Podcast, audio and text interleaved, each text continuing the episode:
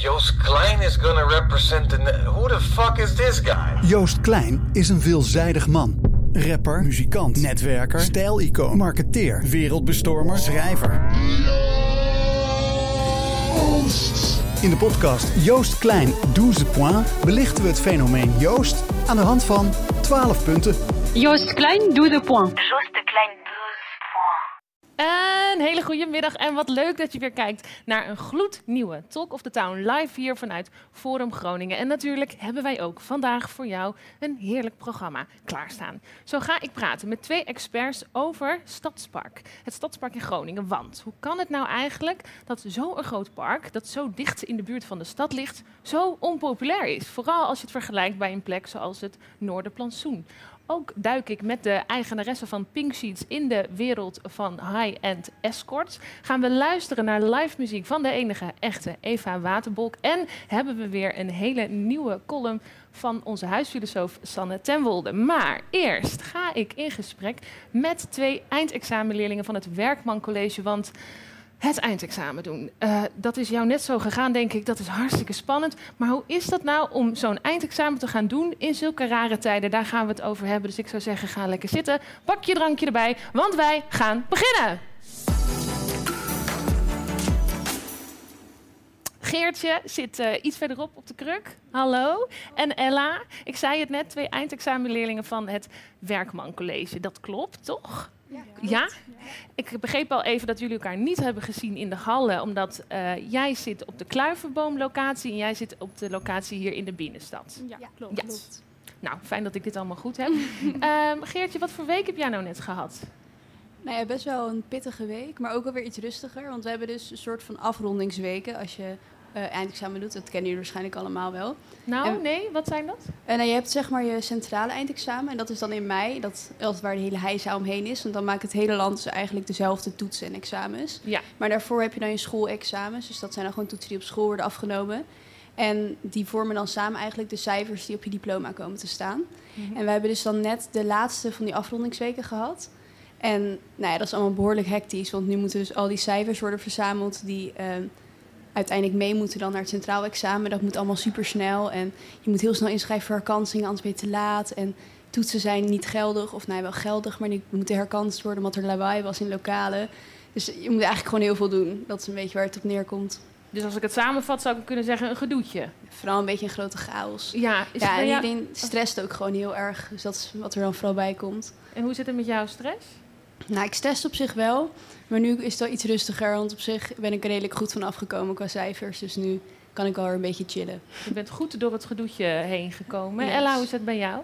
Nou, ik moet de laatste toetsweek nog uh, afronden. Die begint eigenlijk volgende week pas. Oké. Okay.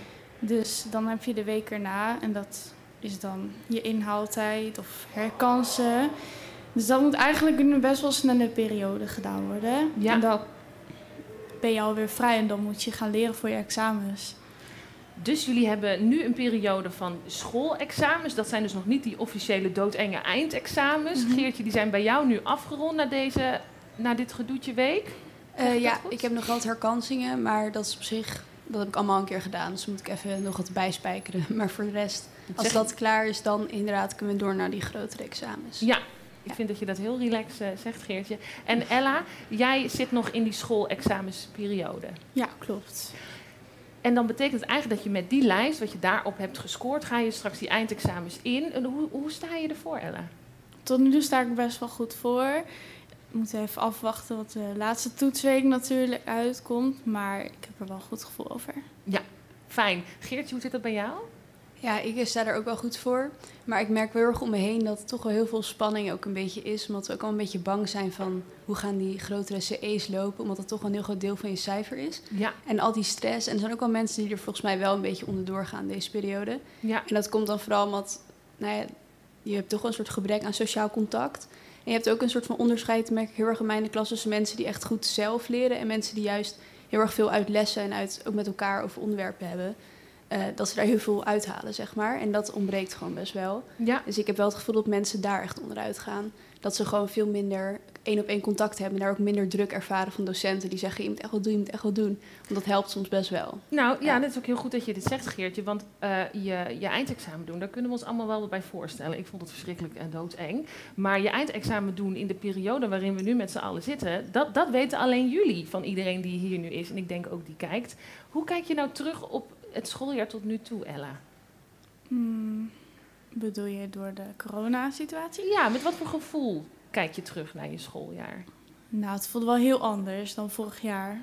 Ja, je bent inderdaad, zoals zij al zei, minder sociaal contact en ook met de leraren. En je hebt korte lesuren en dan moet je eigenlijk alweer naar huis. En dan, ja, de lessen gaan zo voorbij en je hebt veel minder tijd om echt door te krijgen wat je leert en wat, je, wat er geleerd wordt.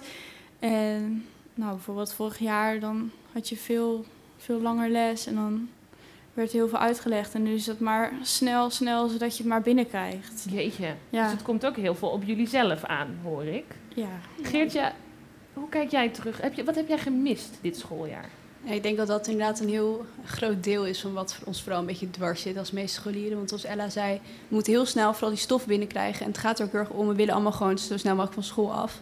Maar eigenlijk al het leuke wat je een soort van hebt in je laatste periode van school. Dus de oudste zijn op school, schoolfeesten, voorstellingen, allemaal dat soort dingen. Dat hebben we gewoon eigenlijk niet. Nee. En dat is wel heel jammer. Maar ik snap het ook gewoon heel goed, want het kan ook gewoon allemaal niet. Maar het is wel gewoon echt balen dat je schooltijd er dan zo anders uitziet aan het einde. Ja, en ik zou willen zeggen, zo'n eindfeest is alles ook helemaal niet leuk, maar dat is wel leuk. Dus dat vind ik ook helemaal niet leuk voor jullie. Wat horen jullie nou om je heen van klasgenoten? Hoe gaat het met hen? Ehm, ja Hebben ik jullie denk, het erover? Nou, niet zo heel veel. Maar ik denk dat er best wel een aantal kinderen zijn die er misschien wel helemaal klaar mee zijn. Ja. Ja. Hoe is dat bij Ja. jou, Geertje? Ja, ik heb wel echt het gevoel dat het met een aantal mensen wat minder goed gaat. Gewoon qua dat ze gewoon niet lekker in hun vel zitten. En dan komen die bergen schoolwerk natuurlijk, die helpt daar ook niet bij. En dan krijgen we van school een um, Tony Chocolonely-reep met het komt alweer goed. Dus dat is altijd wel weer de hart onder de riem, de riem die je zeg maar nodig hebt in zo'n periode. Maar goed, ja, ik heb wel het gevoel dat als er dan een soort van zo'n week voorbij is, dat het bij iedereen wel wat rustiger wordt. Omdat je gewoon minder stress hebt en elkaar weer een beetje hebt gezien en zo. Ja. Maar het zijn wel echt moeilijkere periodes, denk ik. Helemaal voor een aantal mensen die het ook thuis bijvoorbeeld niet zo leuk hebben. Nee, Ja, dan zit je toch de hele dag thuis. Ja. Ik, eh, wij moeten alweer afronden, maar ik wil toch nog even weten, stel hè, en als ik jullie zo zie en hoe relaxed jullie erover praten, denk ik, komt het helemaal goed. Je hebt je diploma en wat ga je dan doen, Ella? Eh, ik ga naar het Alpha College. Ik ga de opleiding Allround Schoonheidsspecialisten doen. Oh. En ja, ik ben benieuwd of het wat leuk is. Ja, Ja. ik ook. Moet je ons even op de hoogte houden? En Geertje, Ja. weet jij al wat je gaat doen? ja, ik ga eerst ehm, heel lang op het strand zitten, denk ik. En een Ja. beetje feest van de zomer. Hopen dat alles weer kan. De Summer of Love zou het worden, heb ik gehoord. en, ik ook ehm, hoor. Ja. Ja. en dan ga ik naar de vakantie lekker studeren. Aan de rug ga ik filosofie doen. Wat leuk. Dus, ja. Ik gun jullie echt de grootste, lekkerste Summer of Love die jullie ooit zullen meemaken. En ik hoop dat jullie heel veel kunnen genieten en feestvieren. En ik wil jullie heel erg bedanken dat jullie even wilden aanschuiven bij is heel mij. lief, dank u wel. Nou, ga lekker zitten. Goed, dat waren eh, Geertje en Ella. En ehm, terwijl zij gaan zitten, is het alweer tijd voor mijn volgende twee gasten. Want ik zei het al even, we gaan het hebben over het Stadspark. Ongeveer ja, één keer per jaar ben ik daar. Dat is namelijk op 5 mei. En dan eh, fiets ik een beetje slingerend aangeschoten weer naar huis. En voor de rest kan ik me herinneren dat ik een keer oog in oog stond met eh, een hele grote geit toen ik klein was. En ik denk dat het voor mij daar ook wel stopt qua ervaringen met het Stadspark. Ehm, ik ga het hebben over dit park. Hallo, fijn dat jullie erbij zitten. Met eh, Anne Helwig van de gemeente Groningen en Jorne Visser, sociaal planoloog. Fijn dat jullie aangeschoven zijn. Vorige week was het opeens heel lekker weer. Eh, zelfs zo lekker weer dat het volgens mij een keer 21 graden was. En wat doen mensen dan erop uit? En in Groningen gaan dan heel veel mensen naar het Noorderplantsoen. Daar waren op den duur zoveel mensen dat er ook weer wat mensen weg moesten van de politie. En dan zou je toch eigenlijk denken, dan pakken die mensen de fiets en die gaan gewoon naar het andere park, naar het stadspark. Maar dat gebeurt niet. En hoe kan dat, Anne? Ja, dat heeft denk ik een aantal, eh, eh, aantal redenen er voor te noemen, denk ik, of oorzaken. Of, eh, ten eerste de ligging. Het Noordplantsoen ligt natuurlijk best wel dicht tegen het centrum aan en eh, is vanaf alle kanten goed te benaderen. En als je bij het Noordplantsoen komt, dan loop je er zo in. En dat is bij het Stadspark niet zo. Hè. Die, dat, dat is voor een deel een beetje opgesloten eh, door, eh, door de ring, eh, door de A7, door de busbaan aan de Pijzerweg. Ja, Aan de achterkant door volkstuinen. Er zijn natuurlijk wel ingangen, maar niet zo, het is niet zo open toegankelijk als het, als het Noorderplantsoen. en dat is een grote reden. Ik Dat is, wil- dat is een belangrijke reden. Hè. Dus het ligt wat verder van het centrum. het is wat minder makkelijk toegankelijk. En het, het nodigt misschien wat minder uit, omdat als je het stadspark niet kent en je komt daar, dan heb je geen idee waar je terecht komt. Nee, Het kan natuurlijk heel spannend zijn, maar dat is, werkt misschien ook wel als een barrière voor sommige mensen. is niet alleen maar positief. Anne, jij, jij weet hier veel van. Je bent vanuit de gemeente Groningen. Jorne, jij bent eigenlijk een beetje onze frisse blik van buiten. Je werkt als planoloog in Amsterdam voor We The City en Pop-Up City. Ja, heel goed. Het Stadspark is jou niet onbekend. Nee. Want Nee. je komt hier vandaan? Ja, ik, heb, eh, ik ben eigenlijk vorig jaar gewoon verhuisd. Dus eh, ik heb hier voor tien jaar in Groningen gewoond. Oké. Nou is Stadspark maar ook niet zo heel bekend, omdat ik er eigenlijk niet heel vaak heen ben gegaan. Eh, want ik was degene die vaak in het Noorderplantsoen te vinden was als ik naar een park eh, ging. Ehm, maar goed, ja, het is inderdaad, ehm, wat Anne ook al een beetje zegt, het is slecht bereikbaar. Het is ook heel grootschalig. En ik denk ook dat ja, het Stadspark eigenlijk een hele andere functie nu heeft dan het Noorderplantsoen heeft. Dat is echt een plek waar, je zegt het ook wel, eh, mensen trekken mensen aan. Dus als mensen in het Noordplantsoen zijn, ja, dan willen meer mensen daarheen gaan. Want het is ook een beetje ja, zien en gezien worden, om Ja. het zo te zeggen. En eh, ja, dat ontbreekt ook een beetje in het stadspark. Het heeft eigenlijk een hele andere functie. Jorne, wa- wat, wat is nou de functie van een park? Wat de functie van een park Ja. is. Nou, een goed park heeft heel veel verschillende functies, denk ik. Eh, een goed park is welkom voor eigenlijk iedereen in de stad, jong en oud. Ehm, maar een goed park ehm, ja, is een plek waar je tot rust kunt komen, waar je kunt ontspannen, eh, waar je ook kunt recreëren, eh, kunt sporten.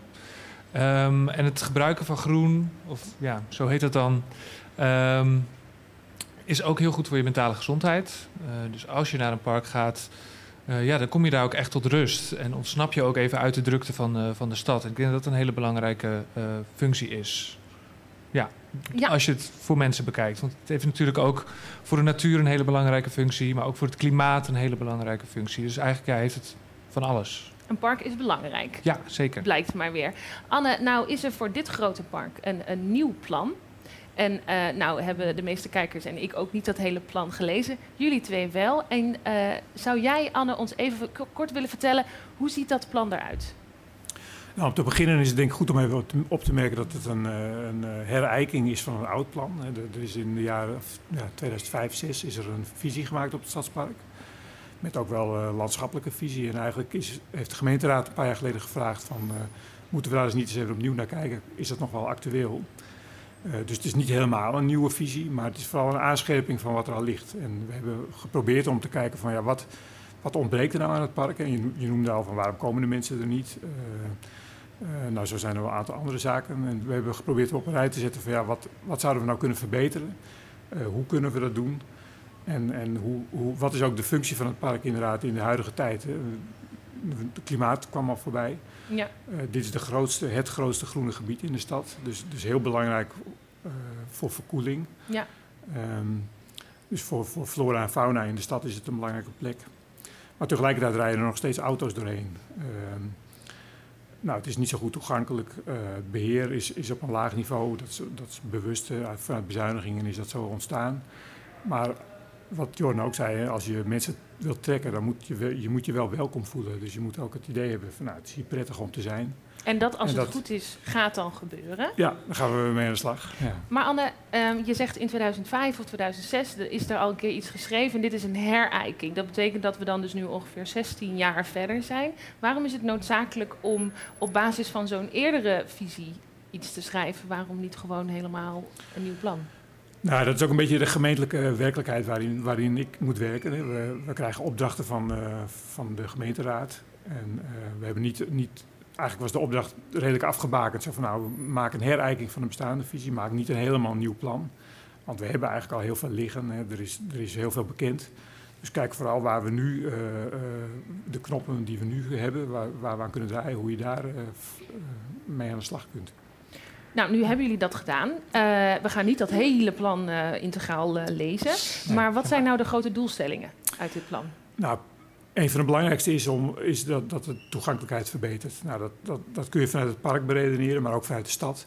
En we hebben gelukkig de situatie dat er rondom het park een aantal mooie ontwikkelingen zijn, zoals, de, zoals het stationsgebied. En straks wordt het station aan de achterkant ook een ingang, waardoor je merkt dat het park veel dichter bij de stad ligt. Dus dat is natuurlijk heel mooi. Ehm, we willen aan de slag met bewegwijzeringen in het park, dus wat meer eh, duidelijk maken van ja, waar beland je nou als je het park binnenloopt. Het beheer, noemde ik al, dat moet op een hoger niveau. Ehm, zorgen dat het gewoon aantrekkelijk is om ergens te gaan zitten. Eh, het autoverkeer is een, is een doorn in het oog van veel mensen. En dat, ja, een park hoort, eh, dat zie je natuurlijk in de hele stad. We komen steeds meer tot de conclusie dat de auto best wel andere, veel andere functies in de weg zit. Ja. Dat geldt ook voor het park. Er is ook niet zo heel veel te doen. Hè. Dat, dat, dat betwisten sommige mensen wel. En natuurliefhebbers die zeggen van er moet hier ook niks gebeuren. Mhm. Maar als je naar het stadspark gaat, dan heb je weinig plekken om even te gaan zitten om een biertje te drinken of iets anders. Ja. Dus we zeggen ook, het zou mooi zijn als er wat kleinschalige horeca komt die past bij het park. Ja. Nou, in potentie, hè, er is, de- de- qua natuur en ecologie is er heel veel al in het park, maar dat kan beter. Ja. Dus dat is ook een belangrijke eh, verbeterslag. Gewoon zorgen dat die, die biodiversiteit die er nu ook is, op een nog hoger niveau komt. Want dan wordt het park ook weer aantrekkelijker Nee, van. je, dat zijn bas- best wel wat grote dingen die je noemt eh, Ja. aan, aan doelstellingen. Ik zei het al, Jorne, jij hebt dit plan eh, ook gelezen. Wat is je eerste indruk? Ehm, ja, nou, ik sluit me wel een beetje aan ook bij een aantal dingen die Anne zegt, die ook wel echt belangrijk zijn, die ook echt behandeld zijn in de visie. Het gaat voornamelijk over het onderhoud. Ehm, maar ja, toen ik het las, had ik een beetje het gevoel dat er ook een beetje een visie ontbrak toen ik de visie las. Dat is zeg knap. maar. Ja, dat Ja? vond ik eigenlijk ook best wel knap. Ehm, er zitten namelijk gewoon heel veel open eindjes in. Dus er zijn heel veel dingen van hé, hier willen we wat mee doen, hier kunnen we eventueel wat mee. Ehm, maar er worden eigenlijk niet echt beslissingen gemaakt. En ehm, ja, ik denk toch, zeg maar, de gemeente Groningen vindt het heel belangrijk dat we meer met het park gaan doen, dat meer mensen daarheen gaan. Eh, en dan denk ik ook van ja, dan heb je ook een beetje durf nodig, eh, een beetje lef nodig. Ik denk dat bijvoorbeeld Groningen in de jaren negentig heeft dat heel erg sterk gedaan. Eh, met een aantal architectuurmanifestaties eh, in de stad. waarbij ze eigenlijk echt met een soort van gestrekt been nadachten over hoe kunnen we die stad opnieuw vormgeven. En ik denk dat dat essentieel is voor, voor de inrichting ook van het stadspark. Zeker visueel gezien. Ik denk dat er gewoon heel veel opgeknapt kan worden. maar dat je ook landschappelijk eigenlijk veel beter, veel mm, eh, onderbouwder eh, in kunt grijpen. Eh, Ja. dus het kan met landschapskunst zijn. maar er wordt hier ook kleinschalige horeca genoemd. En dan denk ik van ja, we hebben een heel verstopt ergens paviljoenetje eh, bij de kinderboerderij... Waar, waar je eigenlijk niet echt zo makkelijk terechtkomt. Zet die bij de entree neer. Maak daar een soort van eh, welkomstcentrum van. Want als je nu bijvoorbeeld het park inrijdt... dan heb je gewoon een soort van hele lange rechte asfaltweg. Ja, En heel aantrekkelijk is het niet. Nee, je Nee. hebt pas het gevoel als je bij, dat, bij het monument bent, dus het Scholtenmonument, dus als je helemaal op het einde van die weg bent, dat je het, dan heb je pas het gevoel dat je een park binnenkomt. Terwijl je dan al op, eh, op een, geval een derde bent, of de helft. Ik hoor bij jou een beetje, Jorn, dat jij niet met een heel bevredigend gevoel dat plan hebt dichtgeklapt. Dat je, zit, je hebt Mhm. eigenlijk, nou, dat mag nogal wat meer laten zien. En Anne, toen ik het, wat ik een beetje van las, dacht ik, oké, je wilt meer biodiversiteit, horecaondernemingen moeten er komen, eh, evenementen moeten er komen, sportfaciliteiten moeten beter. Er moet heel veel in één park. Kan dat allemaal wel? Ja, dat denk ik wel, want het park is ontzettend groot. Hè. Het is eh, 140, v- v- 140 hectare. Eh, en heel veel van die functies zitten er nu ook al in. Hè. Dus, dus eh, Ja. het is nu ook altijd al een park om, om te sporten, voor evenementen, voor natuurbeleving. Dus ik denk dat de, de, de, de ruimte het probleem niet hoeft te zijn. Ehm, maar we moeten eh, goed nadenken inderdaad. En ik, ik ben het ook met Jorn eens hoor. Af en toe moet je gewoon eh, eh, lef tonen en, en dingen, dingen doen.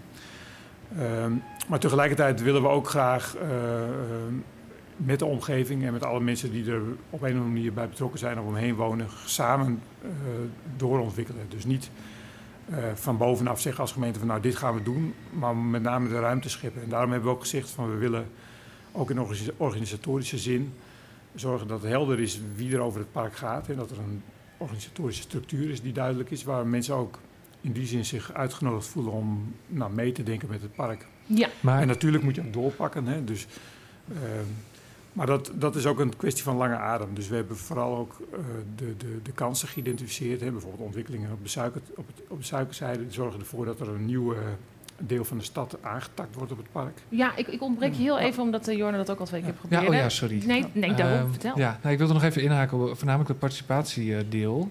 Ehm ook, ook die participatievraag is heel open. En ehm, ook de communicatie over het park is eigenlijk heel open.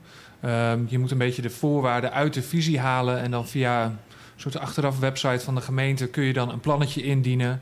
eh, wat ja, overal in het park eh, kan... Ehm, en ik denk ja, dat je dat eigenlijk veel gerichter ook kunt doen. Dus als je weet dat je iets met die entrees wil doen, maak een soort van open call waarin je eh, mensen hier uit, uit de stad of uit de provincie vraagt om ontwerpen te maken. Of eh, Nou, Jorne, nu het hier over hebt trouwens, ik vind Ja. het even een heel mooi bruggetje. Als we het Oh. hebben over communicatie, wij hebben van Talk of the Town even een kleine poll online gedaan. oh ja. Bij onze kijkers. Eh, en dat zijn de leukste mensen hier in de stad, kan ik wel zeggen. Van wat vind je nou eigenlijk van het Stadspark? We hadden de vraag, wat is het eerste waar je aan denkt? Hele rijk eh, lijst met dingen. Ehm, wat wel positief was, was rust, ruimte. Ik kan lekker wandelen en mijn hond gaat hier graag uit. Maar toch, eh, veel was het. Het is saai, het is kil. De betonnen landingsbaan, die noemde jij net ook al. Ja. En eh, nou, een enkeling zei ook, ik heb het idee dat ik een soort, door zo'n soort Oostblokgebied loop. ja. Nou, hier hebben we al een Is beetje ja. input. Ik ga nog even door, want we hebben ook gevraagd... wat mis jij nog in het Stadspark? Met stipt op één horeca. Ik wil koffie, ik wil een foodtruck. Ehm, en voor de rest meer zitgelegenheden. En een enkeling zei ook... ik voel me niet zo veilig als ik s'avonds door het park loop. Ik dacht, het is Mhm. voor jullie denk ik best wel fijn om even te horen... wat eh, Ja. onze kijkers vinden. Goed, ehm Jorne, wat is nou een park dat zich door de jaren heen ontwikkeld heeft... tot een echte hotspot waarvan jij denkt... nou, daar zou een Stadspark best wel wat van kunnen leren? Ehm, ja, nou, je hebt eigenlijk heel veel. Het Stadspark is een landschapspark dat een beetje in de 19e eeuw eh, eh, ontwikkeld is. En dat is eigenlijk over de hele wereld heel erg gebeurd. Ehm, nou, in New York heb je bijvoorbeeld eh, Central Park en ook Prospect Park. Allebei ontwerpen van Olmsted. Dat zijn heel goed werkende parken. Die hebben ook hele mooie, eigenlijk monumentale vormgeving, een hele mooie uitstraling. Ehm, en ik denk dat dat een heel belangrijke sleutel is waar, waar het Stadspark goed naar kunt kijken. Nou, dat, dat zit bijvoorbeeld in het onderhoud. Als ik kijk naar Amsterdam bijvoorbeeld, ehm, heb je in Vondelpark eigenlijk een beetje hetzelfde soort entree als je bijvoorbeeld in het Stadspark hebt. En even Ehm. ons beeld, Vondelpark past vier keer in het Stadspark, hè? Ja. Zo groot is het. Ja. Ja, ja, en dan heb je ook een hele lange weg waar je nog onder een weg doorgaat voordat je in het echte park komt. Maar dat is eigenlijk al een veel openere, eh, eh, opener park. Eh, daarnaast heb je bijvoorbeeld het Amstelpark. Daar hebben ze in de jaren 70 was daar de Floriade. En dat eh, heeft als resultaat dat er eh, daar ook allemaal hele mooie tuinen zijn gemaakt. eh, hele mooie kleine bossen zijn aangelegd.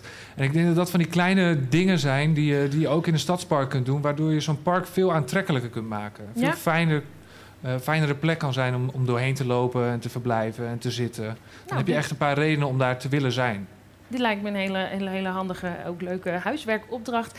Anne, van jou wil ik gewoon nog heel graag weten als Groninger... wanneer ga ik eh, iets zien van het nieuwe Stadspark? Nou, ik denk best snel. Ehm, we hebben nu, eh, kijk, die, die visie is, ik denk dat je het ook moet begin, zien als een eerste stap. Hè. Dus het is, het is een opening en eh, we gaan ten eerste aan de slag met beheer en onderhoud. Hè. Er- zijn al wat dingen gedaan, maar dat, dat, dat, dat zul je op korte termijn ook wel zien. Wat ik al noemde, bewegwijzering is, is wel een, een, eh, een ding en daar zijn we ook al mee bezig. We hebben een, eh, een paar jonge ontwerpers gevraagd om mee te denken over de bewegwijzering en om, om dat op een goede manier die past bij het park vorm te geven. Eh, er wordt, onze wethouder heeft ook al de stad uitgenodigd om mee te denken en met initiatieven te komen. Vorig jaar had je de Groningse zomer, die zal dit jaar ook wel weer komen. En dat ho- levert hoop ik al wat, wat pop-up Maar activiteiten het op. betekent dat dat ik deze zomer al wat kan zien?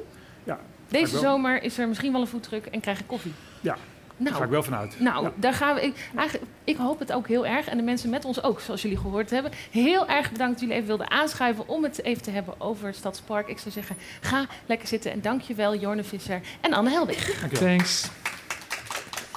En eh, terwijl onze ja, Stadspark-experten noem ze gewoon gaan zitten, eh, is het alweer tijd voor onze huisfilosoof Sanne ten Wolde. Hallo Sanne. Even heel snel, hè. ik ga nog een live polletje met jou doen. Je moet nu kiezen, het is lekker weer.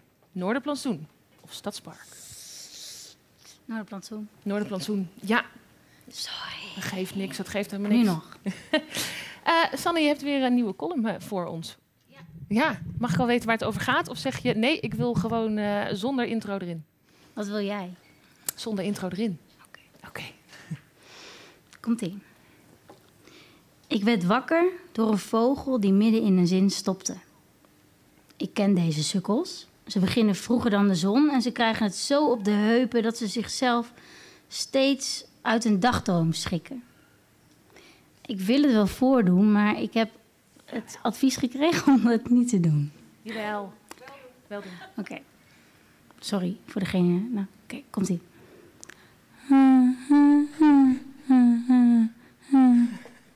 Val er echt zelf van in slaap.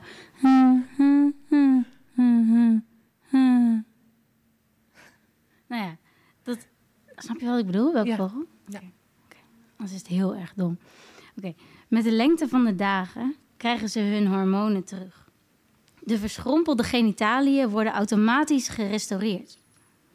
Wat niet zoveel voorstelt trouwens.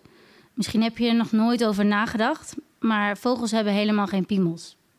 Ze doen alles met hetzelfde gat. Met twee zuignappen klampen ze zich even aan elkaar vast om te paren. En gierzwaluwen zelfs in de lucht. Pas echt mooi is het veroveren, de rituelen. Vogels zijn de kunstenaars van de verleiding, van het balsen. Dat woord lijkt me een onomatopee. Zo'n woord dat klinkt als wat het inhoudt. Toch? Balsen. De heze stem van een sensuele dans zit daarin. Het dierenrijk is een kakofonie aan speciale gedragingen om een partner te vinden en ze komen heel precies. Zie mij, zeg ik tegen mijn telefoon. Alleen, in bed, gewekt door iemand in zijn paartijd. De telefoon antwoordde: 1. Het is inderdaad bijzonder vroeg, zelfs voor een vogel. En 2. Er is een gemist videogesprek op Facebook van iemand die een keer mijn nummer vroeg op een terras. Ik ben niet zo'n nummergever. Ik denk altijd gelijk, dan heb jij mijn nummer. Maar hij had zachte ogen en het was een trage zomerdag. En iedereen droeg korte broeken en zat heel lang tot heel laat op dezelfde plek.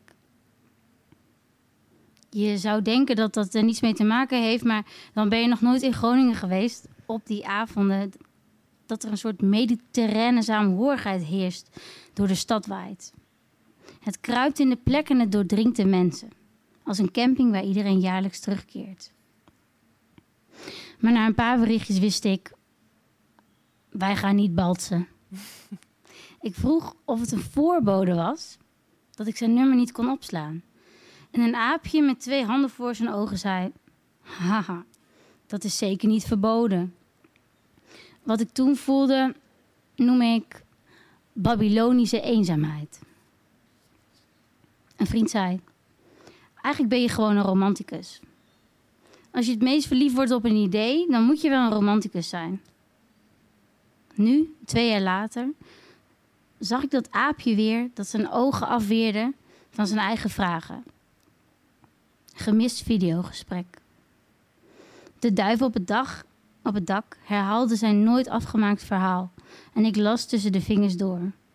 Er stond: Heb je zin in seks zonder kopzorgen? Het deed me vooral aan herinneren aan dat ik mijn slaapkamergeluk nog water moest geven.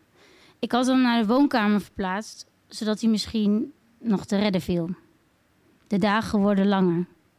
En daar is meer licht. Dankjewel. Dankjewel, Sanne. Goed, eh, en terwijl Sanne gaat zitten, wil ik je heel even wijzen op onze fantastische verrassingsbox van Nok, het restaurant hierboven. Want daar kan je nog steeds kans op maken. Eh, hoe dan, zou je kunnen denken? Nou, het is heel simpel. Maak een leuke foto van hoe jij naar Talk of the Town eh, kijkt. Volg ons natuurlijk dan ook even op Instagram via Talk of the Town 050. Stuur deze gezellige foto naar ons toe. En wie weet zit jij dan volgende week te kijken naar Talk of the Town met wel de allerlekkerste hapjes ooit. Goed, en terwijl ik jullie daarop gewezen heb, zijn mijn volgende twee gasten al aangeschoven. Amy en Esmee, dank jullie wel. Ik bedoel, dank je wel. Wat fijn dat jullie er zijn. Leuk dat we mogen komen. Ja, dat vind ik ook echt heel leuk. Ehm, ik had het al gezegd, we duiken even in de wereld van high-end escort. Dat vind ik ook heel fijn, want dat doe ik eigenlijk veel te weinig, dacht ik vandaag nog. Jullie zijn, klopt dit, allebei 25 jaar? Ik ben 25 en uh, Ja, ik volgende maand, dus ik tel het gewoon als Nou. 25. Dan houden we het lekker op 25. Allebei 25 jaar en eigenaresse van een succesvol high-end escort bedrijf genaamd Pink Sheets. Hoe eh, rol je hier zomaar in? Nou, wij hebben dit eigenlijk eh, allebei eerst drie jaar eh, mogen ervaren. Ehm, in de drie jaar zijn wij elkaar tegengekomen. En toen dachten wij, nou, dit kunnen wij beter. En dit moet ook beter. Nou ja, Pink Sheets is eigenlijk heel snel geboren.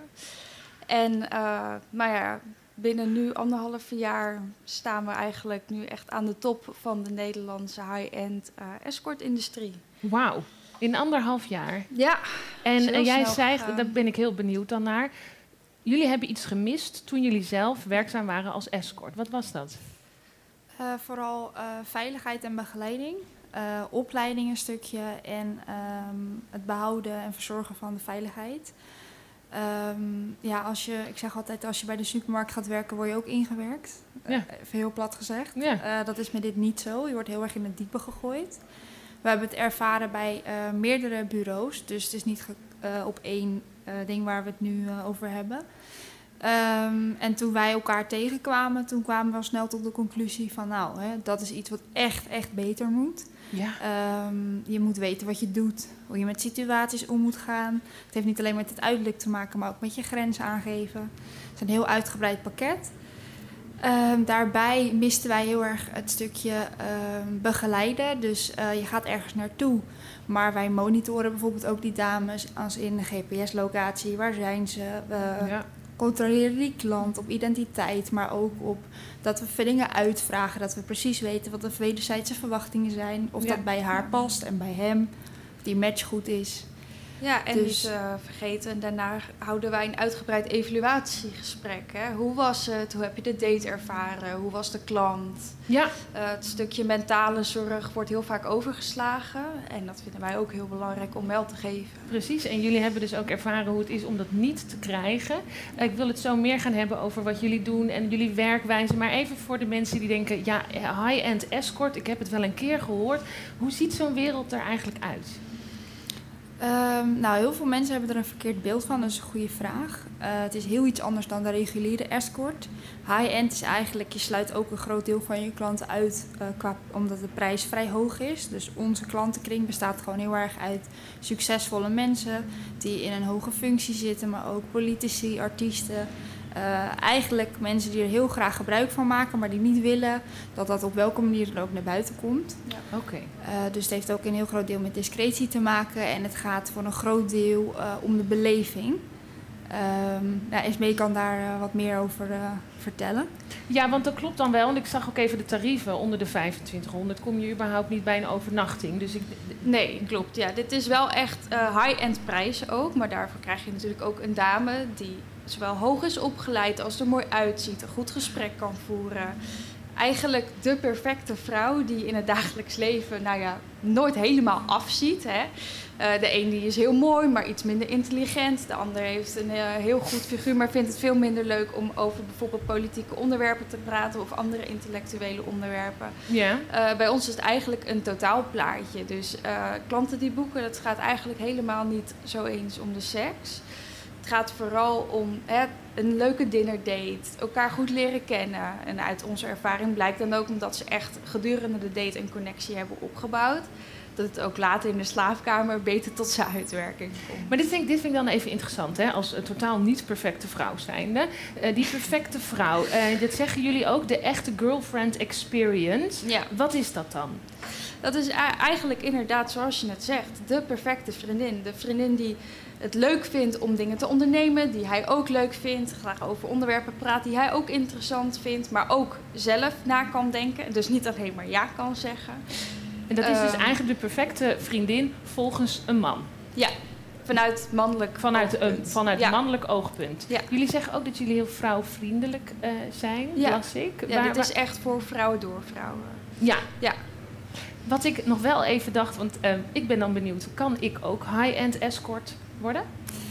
Nou, Daar mogen jullie zitten- heel eerlijk in zijn hoor. Nou, dat misschien nu al. Ik ken je niet goed genoeg. En het gaat ook een heel groot deel om het innerlijk. Ehm, kijk, iedereen heeft een andere smaak. Dus wij gaan niet alleen uit op eh, uiterlijk. Want de ene man valt op een donkere dame. Weer een ander valt op een Aziatische dame. Ander valt op blond, lang haar, kort haar. Dus daar, eh, ja, wij kijken niet alleen naar wat wij mooi vinden. Wij proberen door de ogen van een man te kijken. En eigenlijk alle soorten eh, wel aan te bieden. Ja. Maar het gaat vooral om de combinatie van intelligentie en een, een rugzakje als in levenswijsheid. Het zijn vaak wat oudere mannen, eh, ouder dan de dames. Er zit minimaal wel 10, 15 jaar tussen vaak. Mhm. Als ja, je moeten we wel even zeggen. Meestal is het tot 50, 55 hoor. Dus Ja. voordat er een stigma Nee, nee. heel maar wel, ja, wij zijn ook 25. Ja. Dus als er dan een man is van 40, eh, die heeft vaak wat meer tijd gehad om dingen mee te maken. Eh, dus die dame, die moet echt wel breed geïnteresseerd zijn in de wereld ook. Dus er Eh, zit een behoorlijk selectieproces Ja. vanaf. Nou heb ik iets van die selecties ook meegekregen, want eh, ik wil natuurlijk we- weten, ik wil dat misschien ook. Eh, en dan hebben jullie best wel een, een lijst van als je bij, bij ons bij Pink wil komen. En dan stond er bijvoorbeeld, je hebt geen tekenen van zwangerschapstriaien of keizersnee. Je lichaam dient in goede proporties zijn, maat 34 tot 42. Toen dacht ik, nou val ik af. Eh, je hebt geen tattoos en anders. Indien wel moet je dat bedekken en je bent sexy en vrouwelijk. Dat is een behoorlijke lijst, maar daarmee zeggen jullie, dat maakt ons high-end. Onder andere. Onder andere. Het stukje uiterlijk is zeker belangrijk. Want eh, ja, kijk, wat ik zeg, eh, smaak is relatief. Eh, dat is voor iedereen anders. Eh, maar wij willen het wel kunnen presenteren als dat wij 0,0 twijfel hebben dat zij ons visitekaartje is. Dus dat is ook een stukje intuïtie vanuit ons. Dat wij in die drie jaar hebben mogen ervaren, nou ja, wat wil een man nou? Wat wil die zien? Ehm, dus heel veel, eh, ja, heel veel dames in die zin vallen daar al in af. Dat klopt. Maar dat is ook wel wat we willen uitdragen. Uiteindelijk gaat het niet alleen maar om hoe leuk je gekleed bent of hoe een leuk eh, gezichtje je hebt. Nee, gaat, want je eh, moet dus een hele avond ook een beetje eh entertainend uit de hoek komen. Ja. Wat ik begrijp. Ehm, ik zou ook dus heel graag eh, een escortvrouw die bij jullie in dienst is, zeg ik dat goed op die manier, willen spreken, maar dat kon niet. Escort. Nee. Nee, daar hebben we ook een, eh, ja, sorry. Jammer. Ja, er staat wel een interview op onze website met eh, Isa. Eh, zij werkt bij ons. Eh, maar eh, we willen de privacy gewoon echt goed waarborgen. Helaas heerst er nog steeds een ontzettend stigma op dit werk. Eh, zowel voor het werk wat wij doen als wat de dames doen. Heel veel dames vertellen het niet aan hun omgeving. Niet omdat ze het niet willen, maar omdat er negatief op wordt gereageerd. Ja. Eh, en daarom willen we alles doen om nou ja, hun identiteit en privacy te waarborgen. En dus eigenlijk ook die van onszelf. En kan dat, dat komen, hè, als dat negatieve, doordat ehm, we nog niet helemaal begrijpen wat het verschil is tussen prostitutie en escort? Ja, in de noemer is, valt het natuurlijk wel gewoon onder prostitutie. We gaan het beestje geen andere naam geven. Maar wat bij ons heel anders is, is dat het... ehm, kijk, een klant komt nogmaals echt voor de beleving. En iemand die bijvoorbeeld achter een raam zit, denk ik dan, want ik heb daar zelf geen ervaring mee... Mhm.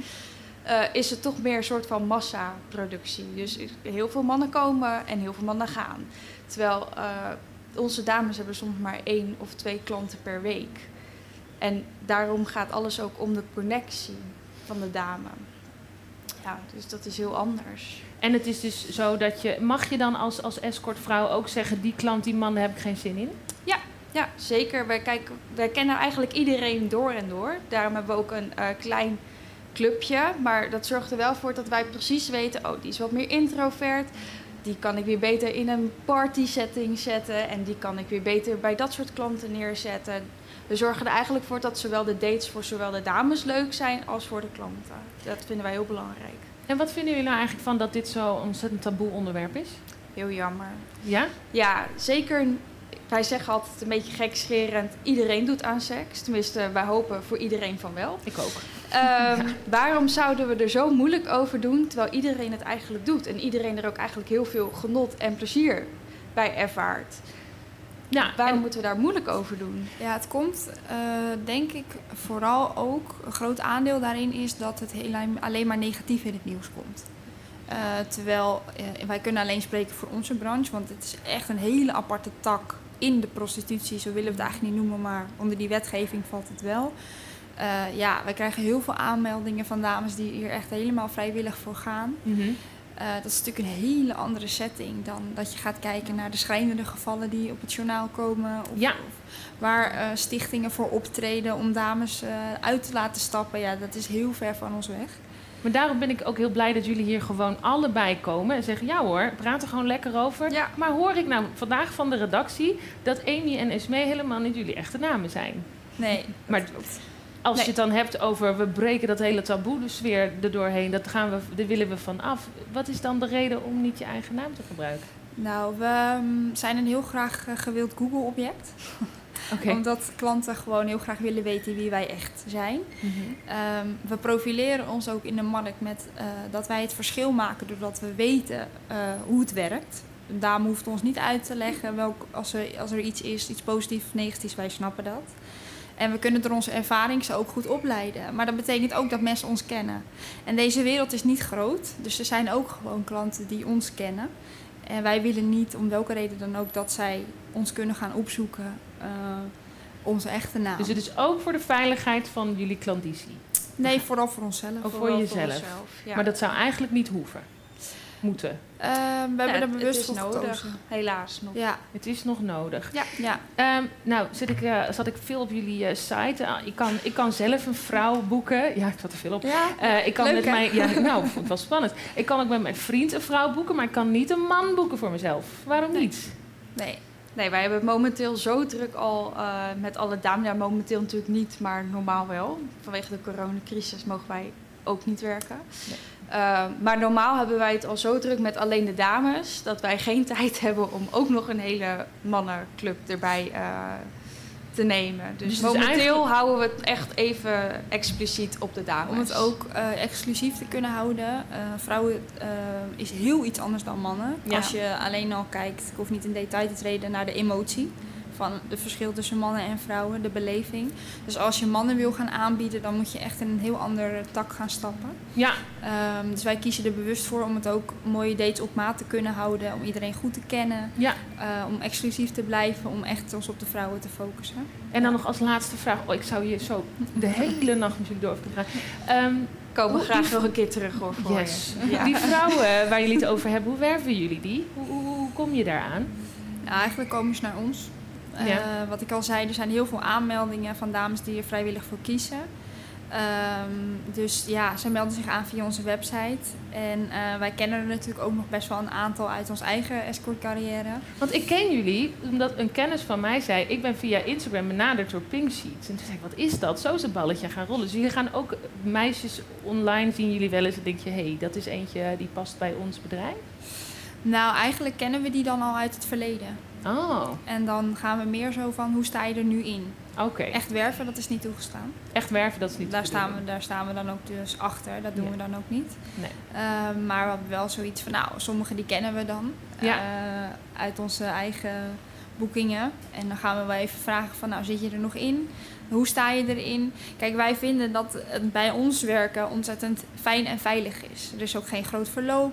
Nee, Meiden mogen onderling met elkaar dingen, ervaringen delen. ja, Dus dat hebben we eigenlijk liever. Omdat wij weten hoe het bij snap, kan dit, zijn. ik snap dit helemaal. Dat ze dan eh, veiliger onder ons dak zitten. Ja, ik Ja. zei het al, we kunnen nog heel lang door. Dat is, helaas kan het nu even niet. Maar ik wil jullie wel ontzettend bedanken dat je Jij de ook. moeite hebt genomen om hier te komen. En dat ik en wij allemaal en ook jij thuis iets meer snapt en begrijpt van die high-end escort wereld. Ja, Esmee, gedaan. Amy, heel erg bedankt. Ga nog even jij lekker ook, zitten. Lara. Ja. Dankjewel. Goed, en terwijl Amy en Esmee gaan zitten, is het alweer tijd voor live muziek. En ik had het al even gezegd, Eva Waterbolk met haar fantastisch glitterende zwarte gitaar. Daar houdt mijn kennis dan ook meteen eh, bij op. Die staat al voor ons klaar. En Eva, ik eh, las op Instagram dat jij af en toe een potje janken eigenlijk best wel lekker vindt. Ja, ik vind dat dat, eh, dat, dat gewoon moet kunnen en mag. Ja. En, en ook heel fijn kan zijn. En dat de wereld en heel verdrietig en heel leuk tegelijkertijd mag en kan zijn. Ik ben het daar helemaal eh, mee eens. Ook stond er, ik ga naar Talk of the Town en ik ga een super verdrietig nummer spelen. Heb ik zin in. Eh, Eva, is het de bedoeling dat we de boel jankend afsluiten vandaag? Nee, je mag kiezen. Of het is een soort van, oh jee, wat fijn, wat is de wereld eigenlijk leuk. Of huilen, maar als het je niks doet, is dat uiteraard ook helemaal prima. Want dat mag iedereen lekker zelf weten. En welk nummer ga je spelen? Speciaal voor jou, Duimbloem. Yes. Uh, lieve mensen, Eva Waterbok met Duimbloem.